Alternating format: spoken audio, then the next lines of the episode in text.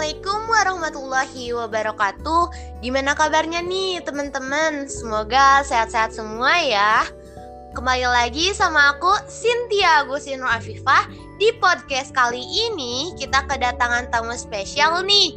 Oke, langsung aja kita sambut Fariha Syakiran. Halo Fariha. Halo Cynthia. Halo, gimana kabarnya nih? Alhamdulillah baik-baik aja. Kalau Cynthia sendiri gimana kabarnya? Alhamdulillah baik juga. Kali ini kita mau ngomongin soal apa nih? Di sini kita mau ngobrol-ngobrol biasa aja, kayak uh, pendapat kita tentang toxic relationship. Toxic relationship. Oke, okay, bagus juga ya topik kali ini. Kalau menurut aku sih, ini benar-benar topik yang bagus gak sih buat ngenalin tentang sebuah hubungan yang bersifat agak negatif ini ke para remaja. Iya sih, bagus banget. Emang sekarang lagi emang uh, lagi masa-masanya ada toxic relationship dalam suatu hubungan. Pasti teman-teman uh, udah udah sering lah, udah sering dengar sama yang namanya toxic relationship. Nah, aku mau nanya nih, kalau menurut Fariha sendiri, apa sih toxic relationship itu? Kalau menurut aku pribadi, yang pertama kali muncul di pikiran aku kalau ngedengar kata tentang toxic relationship itu adalah sebuah hubungan antara manusia mungkin yang gak sehat dan berdampak buruk pada kesehatan mental. Terus bisa dibilang juga mungkin hubungan ini kayak membuat salah satu pihak merasa gak didukung, direndahkan, atau bahkan mungkin saja diserang secara tiba-tiba atau mungkin si salah satu pihak itu merasa tersakiti nggak sih Iya sih, emang kalau misalnya menurut aku sih toxic relationship itu kayak hubungan yang membuat kita bukan menjadi diri kita sendiri gitu. Jadi kayak um, sama salah satu pihaknya itu kayak um, apa sih kamu harus gini gini gini gini atau pada saat di hubungan itu kita merasa orang yang terus disalahin, orang yang diperlakuin kasar atau sebagainya lah. Mm-mm, kadang dari toxic relationship ini kita jadi tumbuh sifat insecure in relationship gak sih? Kayak kita jadi kurang percaya diri sama seseorang atau bahkan kita jadi kurang enak dalam menjalin sebuah hubungan yang baru. Iya, uh, aku mau nanya nih, boleh gak? Boleh dong.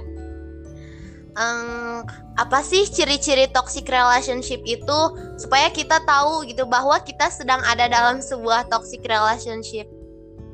Kalau menurut aku nih, aku sih jujur belum pernah berpengalaman dengan yang namanya toxic relationship, tapi aku tahu sedikit-sedikit.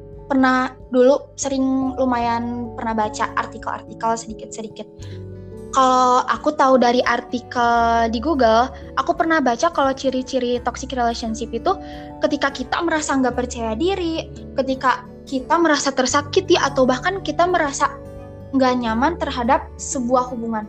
Dan kita itu pengen lepas dari sebuah hubungan itu, tapi kita nggak bisa karena emang udah jadi penekanan di, di dalam diri kita. Mungkin ciri-ciri toxic relationship yang lainnya juga ada banyak banget ya di artikel-artikel Google. Tapi kalau yang setahu aku, toxic relationship menurut aku yang ciri-cirinya sangat marak di era kaum remaja masa kini yang aku pernah lihat di sekitar lingkungan aku, ciri-ciri toxic relationship yang mudah umum di ke, ditemui oleh teman-teman itu kalau menurut aku yang pertama ada gak sih kayak sebuah kita itu dipaksa untuk menjadi sempurna oleh oleh seseorang di dalam sebuah hubungan. Kalau menurut aku itu sebuah ciri-ciri toxic relationship yang emang benar-benar umum kita temui di sekitar lingkungan kita. Mungkin sedikit ya ciri-cirinya, tapi kalau kalian bisa, kalau kalian pengen tahu lebih dalam apa itu ciri-ciri tentang toxic relationship, kalian bisa lihat di banyak artikel di Google atau bahkan mungkin ada di sini, ada di antara kita ini teman-teman yang mungkin sedang mengalami toxic relationship. Jadi kalian kalau mengalami toxic relationship itu mungkin untuk mengenali diri kita kalau kita ini mengalami toxic relationship atau enggak, kalian bisa lihat ciri-cirinya di Google. Hmm, iya sih. Nah, um, semoga um, bermanfaat ya buat teman-teman yang sedang ngalamin toxic relationship. Nah, kalau misalnya menurut aku sendiri, ciri-ciri toxic relationship teh kayak um, tidak merasa cukup gitu. Nah, seharusnya kan kalau hubungan yang baik, kedua belah pihak seharusnya saling menyayangi, saling mendukung, saling menghormati, saling menerima satu sama lain. Tapi ciri-ciri toxic relationship itu justru kebalikannya selalu dibuat merasa seolah tidak cukup cantik misalnya, tidak cukup baik, tidak cukup pintar atau emang kayak nggak layak gitu berteman sama uh, apa sih sama orang itu gitu. Terus yang kedua suka apa sih kayak selalu ada ketika dia butuh doang. Jadinya kalau misalnya kita lagi butuh-butuhnya ngilang gitu kalau kata aku sih itu juga masuknya toxic relationship iya nah, iya benar banget iya. Nah terus nggak um, baik buat kamu kalau nggak mengizinkan buat jadi diri sendiri. Nah misalnya kita lagi ngobrol-ngobrol nih tentang mimpi.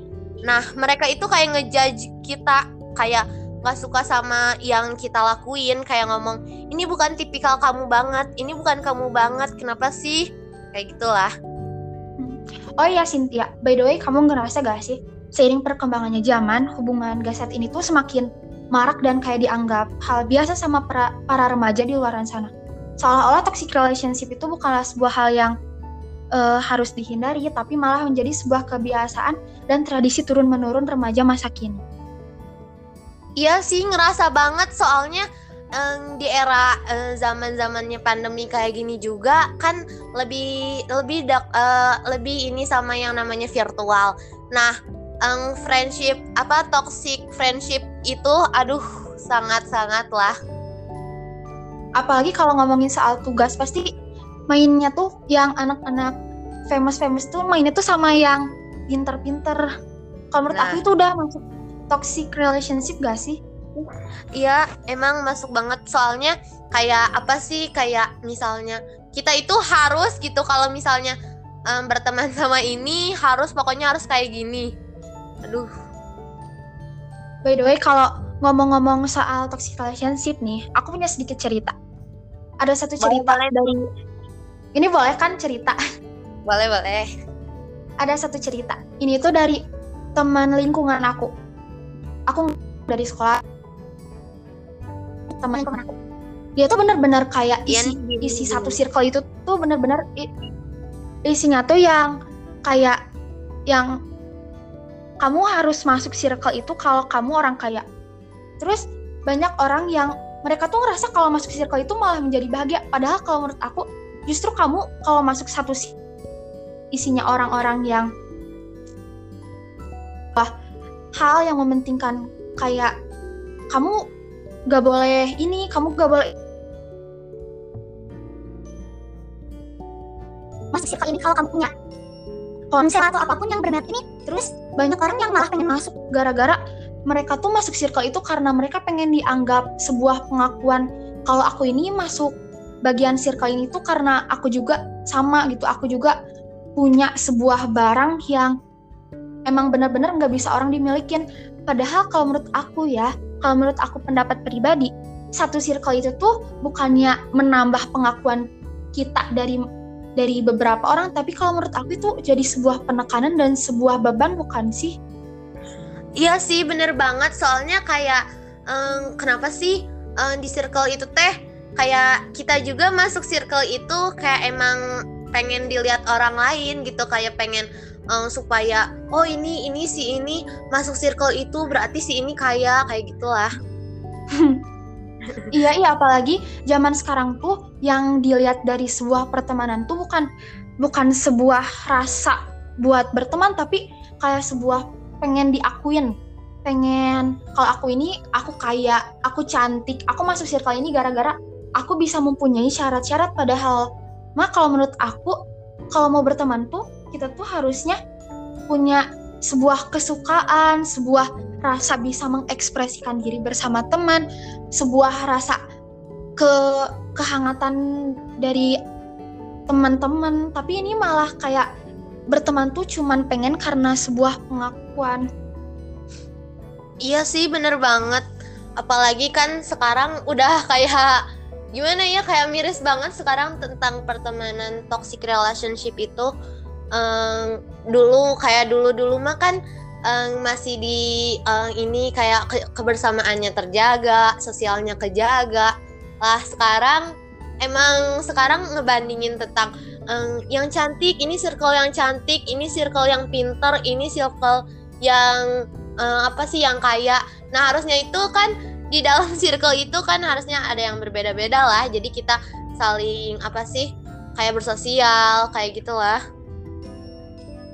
ngomong-ngomong soal toxic relationship ini juga kalau menurut aku toxic relationship itu tapi ada juga loh sekarang namanya toxic parents katanya e, banyak remaja sekarang yang merasa itu nggak sayang sama mereka padahal mereka tuh salah mengartikan tentang toxic parents-nya sendiri.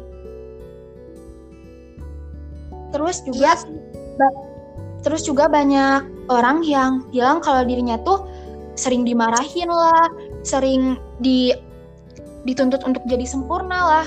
Padahal kalau menurut aku pribadi ya, nggak semua orang tua yang nggak semua orang tua memberikan penekanan tuh buat jadi yang terbaik, tapi kalau menurut aku itu buat kebaikannya sendiri. Mungkin banyak orang yang emang mengalami toxic parents itu, tapi aku baca di Twitter itu ya banyak beberapa anak yang emang mungkin dia salah mengartikan tentang toxic parents itu sendiri. Kalau menurut kamu gimana, Cynthia, tentang toxic parents? Iya sih, emang bener banget gitu.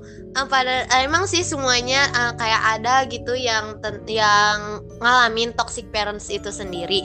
Tapi kalau menurut aku sih itu kayak untuk uh, untuk untuk dirinya sendiri gitu toxic parents itu. Jadi kayak uh, emang orang tua kita kayak ngedidik kita untuk kita sendiri lah. Iya, apalagi sekarang pada banyak yang salah mengartikan. Padahal mah sebuah ketegasan itu bukan berarti sebuah tindakan penuntutan. Padahal kalau menurut aku sebuah ketegasan itu adalah melatih untuk si anak itu biar jadi lebih baik demi kebaikannya sendiri. Tapi banyak anak yang mungkin uh, saat dia mendengar kata toxic parents dia malah salah mengartikan dan bilang kalau orangnya itu toxic parents. Aku nggak disayang sama orang tua. Orang tua aku ini bener-bener beda banget. Orang tua aku banyak penekanannya. Padahal kalau menurut aku yang namanya orang tua ya jelas-jelas pengen punya anak yang yang sempurna, pengen punya anak yang baik, pengen punya anak yang soleh, pengen punya anak yang benar-benar disenangi banyak orang. Kalau menurut aku itu bukan sebuah penuntutan ya, tapi itu juga buat kebaikan dirinya sendiri. Si, manusia mana coba yang gak mau jadi yang seseorang yang lebih baik, seseorang yang jadi sempurna. Nah iya bener banget kebanyakan ya emang kayak um, teman-teman aku juga kayak uh, ini sedikit cerita ya kayak um, suka curhat gitu ke aku tentang toxic parentsnya orang tua mereka. Padahal sih itu emang untuk kebaikan mereka sendiri sih kata aku. Mm -mm, tapi emang mungkin ada ya di luar sana yang mungkin punya cerita tentang toxic parentsnya. Tapi kalau aku aku pribadi sih belum pernah belum pernah melihat langsung denger bener nih waktu denger cerita teman-teman mereka itu kayak anak remaja sekarang itu salah mengartikan tentang toxic parents mereka tuh kayak lebih bercondong uh, ke dalam kurang mencerna dalam sebuah informasi. Apalagi yang namanya toxic parents itu bukan sebuah nama yang main-main ya. Kalau aku lihat sendiri itu dia udah dimasukin ke sekolah. Bukan sebuah kata toxic parents ya di sekolah yang bagus, semua perlengkapannya juga dikasih. Terus kalau menurut aku juga orang tua itu mungkin membuat sebuah ketegasan, sebuah penekanan itu mungkin untuk agar si anaknya itu lebih jadi disiplin atau bahkan mungkin untuk menjadi seseorang yang lebih baik lagi. Tapi kalau menurut aku tetap aja sih itu bukan namanya toxic parents, tapi itu lebih ke melatih si anak untuk jadi lebih disiplin dan bertanggung jawab gak sih? Iya sih bener banget soalnya kayak da itu kayak da itu mah buat yang kebaikan kita sendiri terus um, kalau misalnya toxic parents itu sebenarnya sih kayak nggak ada sih orang tua mana yang mau anaknya um, anaknya jadi sakit hati lah atau jadi apalah. Sebenarnya orang tua semuanya itu pengen ngedidik anaknya untuk jadi lebih baik kayak yang dikatain kamu tadi. Terus kalau menurut aku ya kalau tindakan yang termasuk toxic parents itu kalau menurut aku sendiri mungkin orang tua yang memiliki perilaku buruk dalam melakukan dalam melatih anaknya dengan menggunakan kekerasan fisik atau verbal pada anak. Tapi ya, toxic parents itu benar-benar emang banyak sih bukan tentang kekerasan doang. Mungkin penekanan yang terlalu berlebihan atau ketegasan yang mungkin menyakiti si anak sampai menyakitinya tuh bukan dalam soal fisik tapi soal mental. Tapi tetap aja sih kalau kalau kalian merasa ketegasan yang dibuat oleh orang tua kalian itu enggak menyakiti fisik ataupun mental kalian itu masih dikatakan bukan sebuah tindakan toxic parents kan Iya sih bener banget kebanyakan orang-orang di luar sana mengira kalau misalnya dari omongan aja itu termasuk toxic parents. Tapi kalau menurut aku sih bukan. Mm-mm. Toxic parents itu kalau menurut aku yang emang kamunya juga menyadari dampaknya kayak kamu jadi nggak mau bersosialisasi, kamu jadi nggak percaya diri, kamu jadi merasa penekan, e, merasakan penekanan pada diri kamu, terus masalah kesehatan mental kamunya pun merasa terganggu.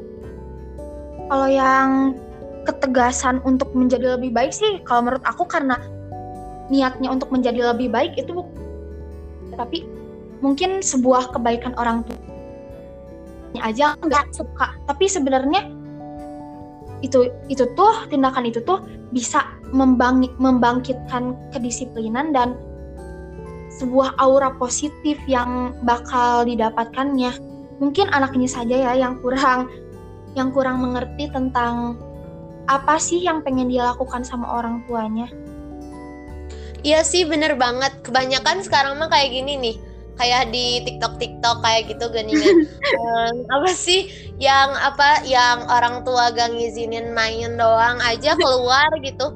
Um, dibilangnya script parent lah atau apalah Padahal itu kayak mungkin orang tuanya khawatir dengan kita, takut terjadi apa-apalah. Tapi sekarang kebanyakan ya dianggapnya toxic parents lah, apalah. Aduh.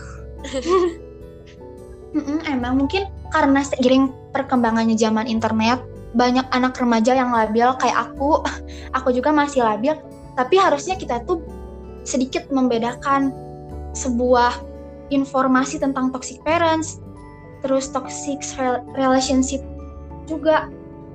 Hmm, mungkin emang sih ya ada beberapa orang yang merasa kalau dirinya tuh emang tertekan.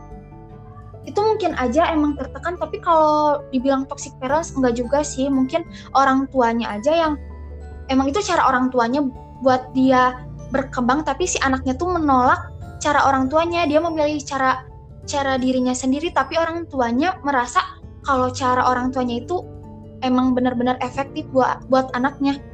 Jadi kalau menurut aku karena kalau emang niatnya baik atau mungkin kalian nggak ada nggak kena dampak tentang kesehatan mental, kalau menurut aku sih itu masih bukan tentang toxic parents ataupun tentang kayak tindakan kekerasan dari orang tua, tapi itu emang tentang sebuah edukasinya mungkin dari orang tua buat menjadikan anak ini lebih bertanggung jawab.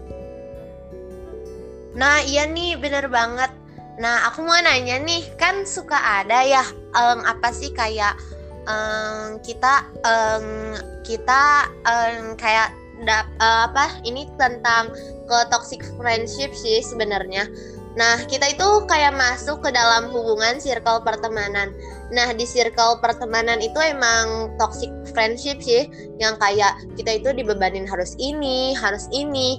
Nah, aku mau nanya nih, gimana sih cara keluar dari hubungan toxic friendship itu?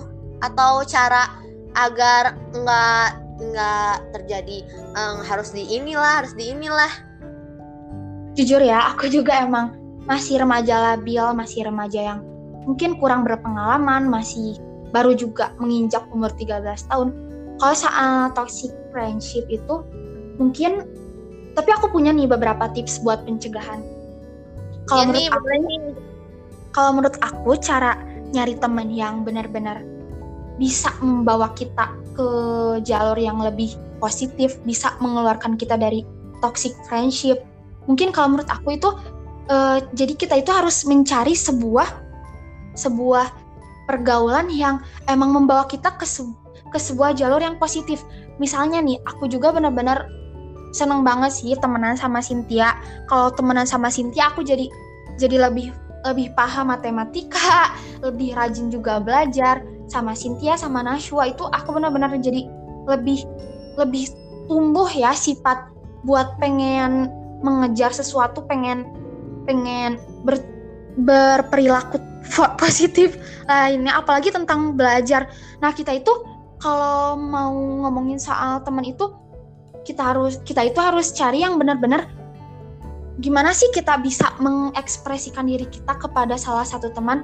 Gimana sih cara kita pengen berteman dengan seseorang? Itu bukan karena sebuah penekanan tapi tentang aku nyaman kalau temenan sama orang ini. Aku benar-benar bikin bik, uh, hati aku benar-benar ten tenang aja gitu kalau cerita sama orang ini. Terus aku juga kayak lebih semangat menjalani hari aku lebih semangat belajar lagi kalau temenan sama si ini. Mungkin untuk pergaulan itu kita itu harus mencari seseorang yang mungkin menambahkan semangat kita menambahkan aura positif dan kita juga harus bisa menjauhi yang namanya pergaulan toxic friendship itu.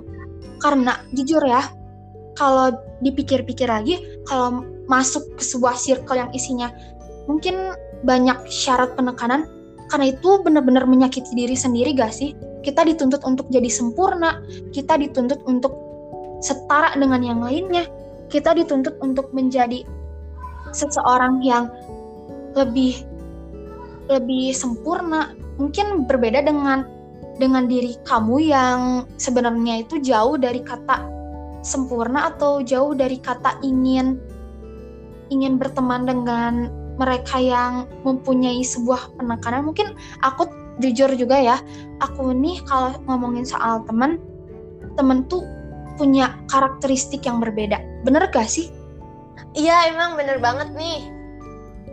Terus kalau milih-milih tentang temen tuh emang sesuatu hal yang klasik yang abstrak gitu.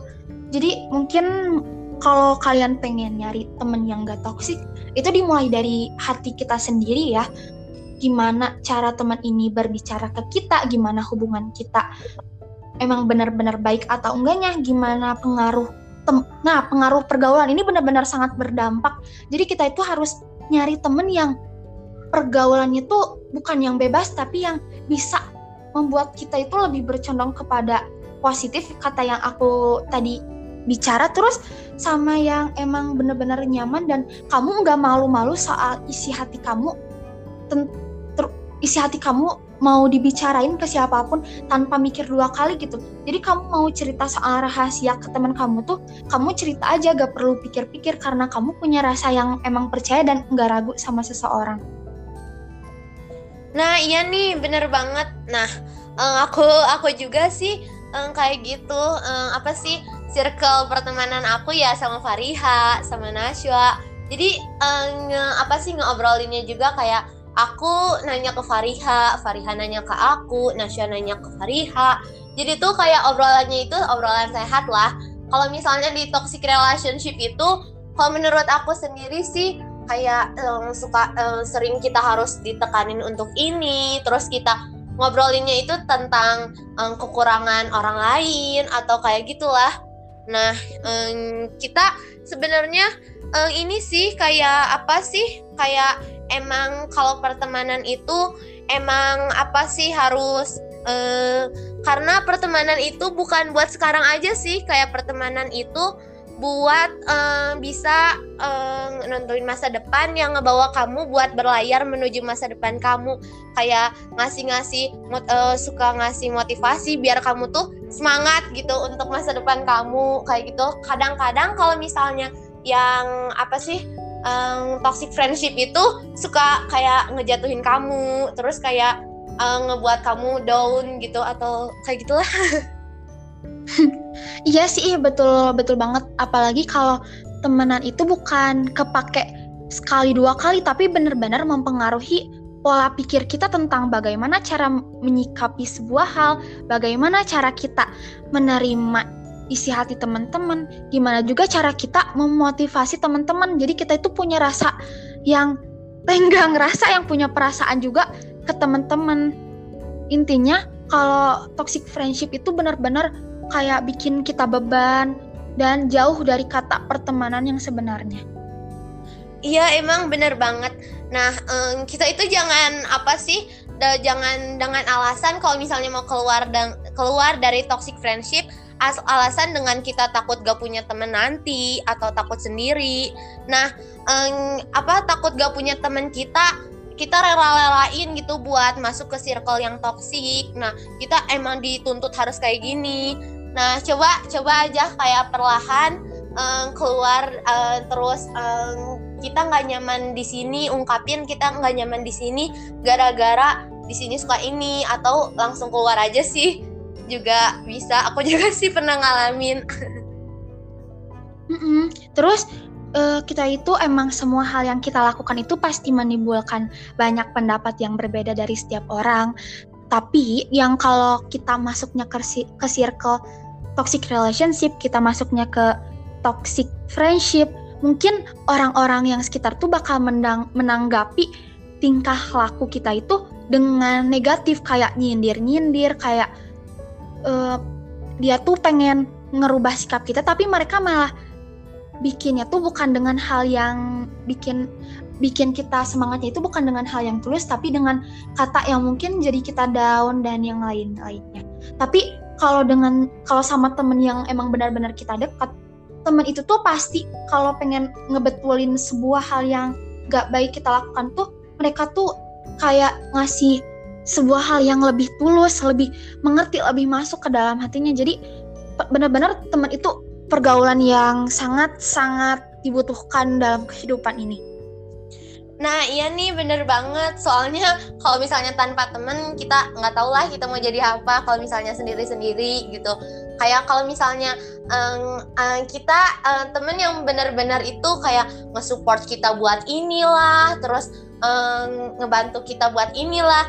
Nah jujur ini aku sedikit cerita. Aku bikin podcast ini juga dibantu teman-teman aku yang inilah yang yang spesial ini. Kayak Fariha mau mau bantu aku buat ngundang buat ngisi topik di podcast aku kayak gitulah. Makasih ya, banget. iya. Tapi aku benar-benar terinspirasi juga dari Cynthia. Cynthia itu emang pengen ngelakuin hal yang lebih jadi emang bikin termotivasi juga buat ngelakuin hal yang mungkin dianggap apa sih sama orang-orang tuh kayak apaan sih bikin itu? Apaan sih bikin ini? Tapi kalau menurut aku benar-benar ini tuh sebuah tindakan yang berani. Kayak nggak nggak bisa semua orang bisa ngelakuin hal yang kamu bisa. Jadi ah emang bener-bener Cynthia the best banget bisa bikin podcast ini apalagi ngundang bintang tamu bintang tamu yang keren juga. Fariha juga keren udah bisa bikin cerita wet wet wet ya Allah. Sebenarnya aku juga terinspirasi dari Fariha gitu bisa bikin cerita-cerita lah. Kita mah um, pertemanannya sharing-sharing aja gitu saling berbagi ilmu saling bermanfaat gitulah terus ya dan aku pernah baca satu artikel. Waktu gimana itu, sih waktu dulu katanya tuh toxic relationship itu bikin kita insecure insecure dalam pertemanan insecure relationship. Terus banyak orang yang ngira kalau kita insecure itu mereka malah kayak apaan sih lo insecure terus mereka nggak tahu jalan cerita yang sebenarnya itu mereka yang orang-orang yang insecure itu bukan cuman insecure gara-gara dia gak percaya diri tapi dia itu kayak punya sebuah trauma dan mereka ngerasa insecure karena takut mereka nggak nggak sempurna gara-gara di circle sebelumnya dia tuh dituntut sempurna. Nah iya nih bener banget jujur ya aku ini bikin podcast ini juga banyak banget yang kayak ngatain aku apa sih Cynthia bikin yang kayak gitu? Gak guna banget. Terus teh um, kalau misalnya aku ngelakuin sebuah hal pasti aja lah ada orang-orang yang um, bikin kayak um, apa sih ngebuat insecure gitu. Tapi terkadang banyak juga orang apa sih? Cuman digituin aja um, insecure gampang insecurean. Ya Allah. Iya sih padahal mereka tuh nggak tahu kalau sebenarnya insecure itu mulainya dari mana dan cuman kita yang ngerasainnya? Iya. Terus kalau ngomongin soal insecure in relationship juga emang bener-bener ya pertemanan dan hubungan itu emang gak jauh beda dari kata yang positif dan negatif. Terus kalau ngomongin soal insecure relationship juga aku pernah punya sedikit cerita. Aku emang orang yang sedikit emang suka insecurean. Karena emang aku takut kalau gak jadi sempurna di di pertemanan ini. Aku takut kalau semua orang tuh kayak apaan takut terlalu dihujat kayak misalkan apaan sih kamu gitu-gitu doang nggak bisa. Atau atau kamu jangan banyak insecure atau yang perkataan tentang insecure yang lainnya itu kalau menurut aku itu emang wajar. Tapi kalau emang berlebihan juga nggak baik. Tapi ya kalau emang udah bawaan emang susah dihilanginnya. Jadi kadang aku juga merasa termotivasi gitu dari teman-teman yang bilang gak baik itu insecure. Tapi mereka itu bilangnya itu dengan cara yang tulus. Jadi aku itu pengen lepas dari yang namanya insecure. Kalau Cynthia sendiri gimana? Iya sih sama aku juga. Kebanyakan emang um, apalagi sih tentang fisik gitu ya. Aduh aku um, pernah banget ngalamin gitu. Kayak um, apa sih kamu hitam gitu? Apa sih kamu ini tapi sedangkan kita ngebuat kayak sesuatu hal yang positif gitu selalu dijudge gitu kayak buat um, apa sih rendah? Apa sih? Emang sih. Tapi terus uh, ketika kita insecure nah teman-teman juga suka teman-teman aku juga suka bilang gitu kayak apa sih kamu insecure terus? Kamu teh um, harus nyaman kamu teh um, um, harus bersyukur kamu teh kamu mah suka ini. Eh kamu mah apa sih? Um, kamu mah um, kayak uh, lebih suka eh kayak kamu mah bisa ini sedangkan aku enggak. Nah kadang-kadang suka apa sih? Padahal mereka juga kayak punya ini sih. Kayak punya kelebihan. Jadi sesuatu uh, eh, apa sih? Semua orang emang kelebihan semua orang beda-beda gitu.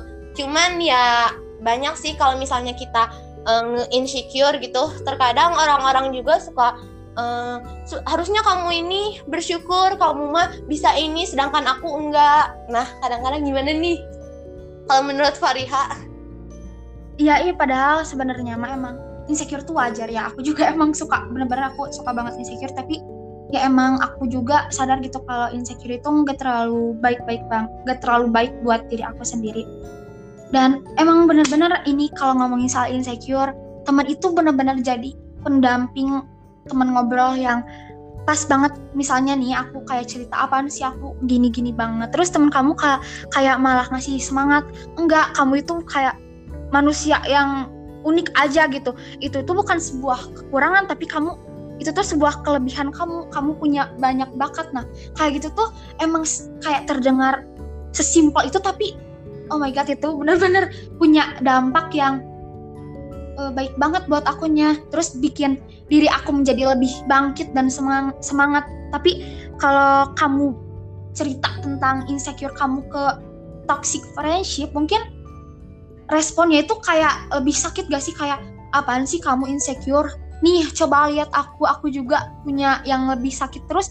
Mereka tuh malah malah ngomongin kekurangan kita tuh ke orang lain. Jadi benar-benar pergaulan itu sesuatu hal yang menentukan kita ke dalam circle yang positif atau yang negatif. Nah, iya nih benar banget. um, apalagi ya?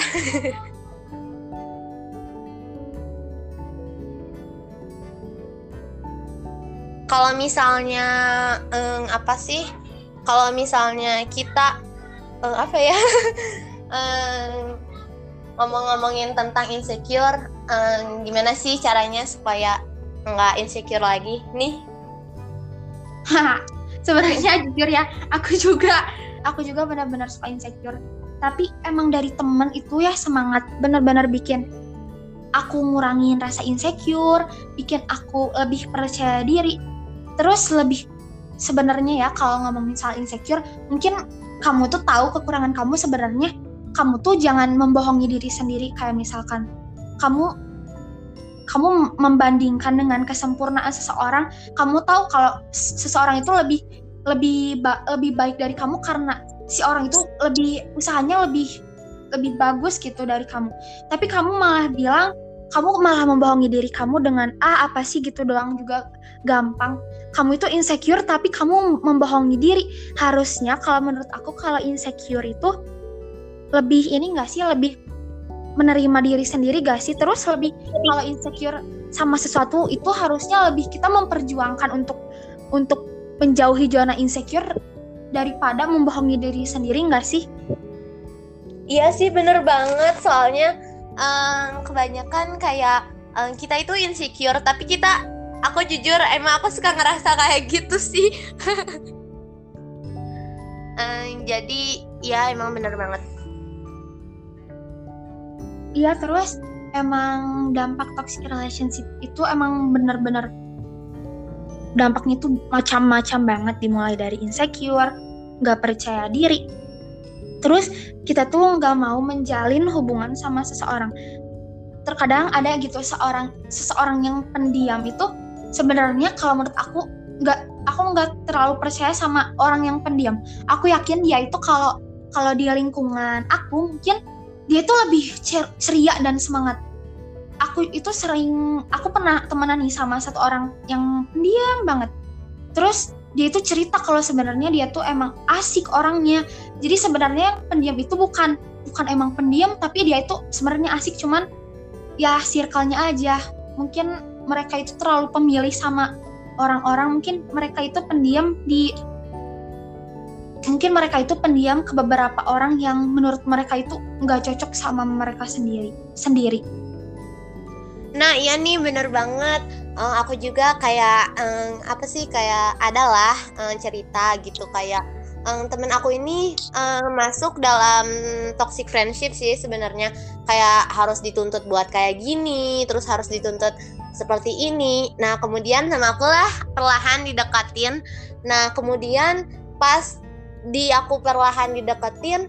Nah ternyata um, kayak emang seceria itu sih kayak ngobrol-ngobrol aja juga biasa. Nah emang dampak toxic relation toxic friendship itu emang berdampak banget gitu kayak ngebuat trauma gitu kayak um, aku takut dengan uh, takut teman-teman aku juga kayak gitu gitu. Karena circle sebelumnya juga seperti itu. Tapi jujur ya nih kalau ngomongin toxic relationship itu kadang kita itu merasa down terus kayak benar-benar yang dirasainya tuh cuma seorang karena kamu ngerasa diserang sama sama banyak orang gara-gara toxic relationship ini. Terus juga nih kalau ngomongin soal pertemanan, soal hubungan, aku ini benar-benar semangat banget kalau punya temen yang se, se satu satu punya satu hobi, punya satu visi misi. Terus apalagi kalau seneng banget tuh kalau punya temen yang dia tuh tahu gitu dia itu ke depannya mau kayak gimana dia tuh udah bisa bisa pengen ngejar masa depannya dia tuh emang bener-bener punya aura positif. Itu bener-bener kayak bikin kita tuh terjauh terjauh dari kata toxic relationship. Dan itu emang bener-bener dapet juga sih ke diri aku sendiri. Kayak aku jadi lebih terbiasa sama teman ini karena teman ini tuh membawa aura positif. Jadi mungkin ya kalau menurut aku sesuatu hal yang namanya negatif itu bakal hilang sendiri kalau kitanya juga membawa pengaruh yang positif gak sih? Iya nih bener banget. Emang kalau misalnya um, kita um, ada dalam apa sih ada dalam pertemanan yang emang bener-bener um, um, bener-bener tahu lah tentang sifat kita, terus um, um, obrolan-obrolannya juga sehat gitu kayak tentang nentuin masa depan aku eh, masa depan aku pengen jadi ini nih. Nah aku harus kayak gimana? Nah kayak gitu banget. Nah terus yang eh, emang bener banget kalau misalnya tadi yang apa sih on negatif itu bisa diiniin eh, gara-gara kita nimbulin um, rasa uh, positif lah ke orang lain atau apalah ini emang maaf ya kalau emang omongan aku yang tadi itu terlalu belibet atau panjang. Tapi ya, ini mah benar-benar inti dari sebuah hubungan itu tentang kepercayaan gitu. Jadi sebuah hubungan itu emang harus dilandasi sama kepercayaan sama sebuah rasa kehangatan. Mungkin dari toxic relationship itu kalau menurut aku ya inti dari pencegahannya itu mungkin salah satunya dengan mencari teman yang satu hobi mungkin. Kalau menurut Cynthia sendiri uh, pandangan kamu tentang cara pencegahan toxic relationship yang umumnya dialami oleh para remaja gimana nih?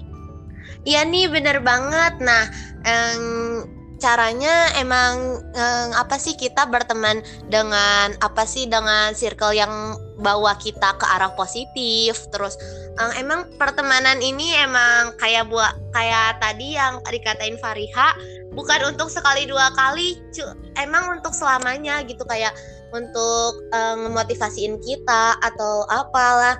Nah, jadi kita itu kayak berbagi cerita tentang uh, yang lain juga kayak emang asik aja gitu kayak nggak masuk ke dalam kita harus dapat penekanan lah atau apalah. Nah, iya bener banget kita caranya kita emang harus cari temen yang bener-bener tahu keadaan kita, terus uh, nerima kekurangan kita. Iya gitulah. ngomongin apa lagi ya Sian emang emang bener-bener sih toxic relationship itu kayak banyak orang yang gak menyadari kalau sifatnya itu termasuk toxic relationship. Contohnya ini di lingkungan aku bener-bener banyak. Mereka itu asal ngomong asal ceplas-ceplos gitu ngomongnya tuh sama satu orang tanpa memikirkan perasaan orang lain. Dan sebenarnya itu mereka itu malah menjadikannya bahan candaan. Padahal sebenarnya itu nggak lucu. Yang ya menurut dia lucu tapi menurut orang lain gimana? Emang emang yang disakitin itu nggak nggak selamanya bisa sembuh gitu aja apalagi kalau soal perkataan ya yang emang sakitnya tuh di hatinya tuh bener-bener nyelkit banget. Nah iya bener nih kadang-kadang candaan juga suka ngebuat kita jadi inilah. Soalnya kayak kenapa sih dia nggak mikir gitu kalau perasaan kita uh, terus candaannya juga kayak bukan sebuah cuman candaan doang kayak emang nyakitin hati kita tapi dianya juga nggak sadar bahwa dia uh, udah nyakitin hati kita kayak dianya mah fine fine aja gitu. Dan ini juga buat teman-teman yang mungkin ada sih yang dengar podcast ini terus merasa kalau dirinya ada di lingkungan toxic relationship mungkin cuman bisa bilang semangat ayo cepat cari teman yang lebih baik ayo cepat ekspresikan diri kamu ke salah satu teman yang menurut kamu paling pas buat kamu cerita tanpa ragu. Kalau buat Cynthia sendiri, uh, apa sih yang bikin memotivasi kamu buat temenan sama satu orang atau mungkin pengen jadi sesok pengen jadi seseorang yang ada di circle itu tuh karena dia tuh auranya positif. Gimana sih motivasi kamu soal teman? kalau motivasi aku sendiri kalau soal temen ya emang bener banget. Uh, ini Fariha, Nashwa kayak temen-temen asrama aku juga ngebawa uh, jujur aku ini um, ininya kalau yang belum tahu aku uh, ini di pesantren lah sama Fari ketemu Fariha ini juga di pesantren gitu. Uh, aku mengenal Fariha wah Fariha kayaknya auranya positif nih. Kayak um, suka uh, baca-baca lah atau apalah. Sedangkan di keadaan toxic friendship itu kayak cuman ngobrolin tuh tentang ih tahu gak si ini uh, si ini teh ini tahu? Kayak ngobrolin kekurangan orang lain gitu. Jadi kita itu masuk ke dalam teman-teman yang benar-benar gitu juga emang ngebuat kebiasaan kita. Kayak misalnya um, ngerubah juga sikap kita yang awalnya negatif gitu kita bisa jadi um, positif gara-gara terpengaruh oleh temen juga. Dan jujur juga sih aku pengen cerita sedikit. Dulu itu aku bener-bener emang pemalu emang bener-bener pemalu sih sampai sekarang. Tapi kalau kalau aku ngedenger cerita dari Cynthia, dari Nashwa itu dulu waktu di asrama itu bener-bener kayak termotivasi kayak ngapain sih aku malu-malu padahal kan emang gak ada ruginya juga kalau kita mencoba terus aku punya nih uh, pernah dengar bacaan kayak ini tentang toxic relationship ini uh, aku pernah baca sedikit artikel gitu di sana tuh isinya tuh intinya tuh melepaskan orang-orang yang toksik dalam hidup adalah langkah besar dalam mencintai diri sendiri. dan itu benar-benar memotivasi aku yang mungkin dulu itu pengen pernah pernah sampai kepikiran pengen masuk circle ini. Ah enaknya kayaknya masuk circle si A karena si A itu isinya itu orang-orang yang disegani kayak mereka pada cantik-cantik mereka pada punya punya sebuah kelebihan tentang harta. Mereka itu benar-benar kayak ibaratnya sempurna. Tapi kalau aku dengar dari salah satu anggota dari circle, circle itu mereka tuh rata-rata pada gak nyaman dan itu bikin termotivasi aku biar nyari temen tuh enggak bukan apa yang dari bukan apa yang dari dilihat dari dari mata ya tapi tentang gimana sih cara mereka menerima lewat hati nah iya bener banget nih Gak kerasa ya kita ngobrol udah sekitar 40 menit. um, mungkin itu aja um, dari kita. Um, mau ada yang mau ditambahin, Fariha? Sejauh ini enggak sih, soalnya aku tadi udah udah udah ngomong panjang lebar banget.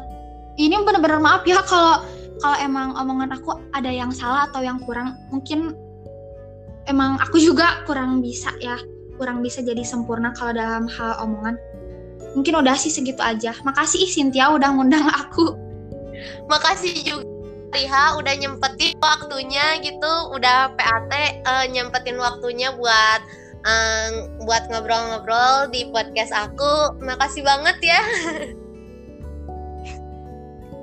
mungkin segini aja ya dari kita ya dari kita mungkin cuma uh, segini aja. Makasih banget buat yang udah dengerin. Uh, maaf banget kalau misalnya ada kata-kata kita yang kurang enak atau kata-kata kita yang salah. Mohon dimaklum. Mungkin itu aja. Uh, makasih ya Fariha. Dadah. Makasih juga nih Cynthia. Dadah. Dadah.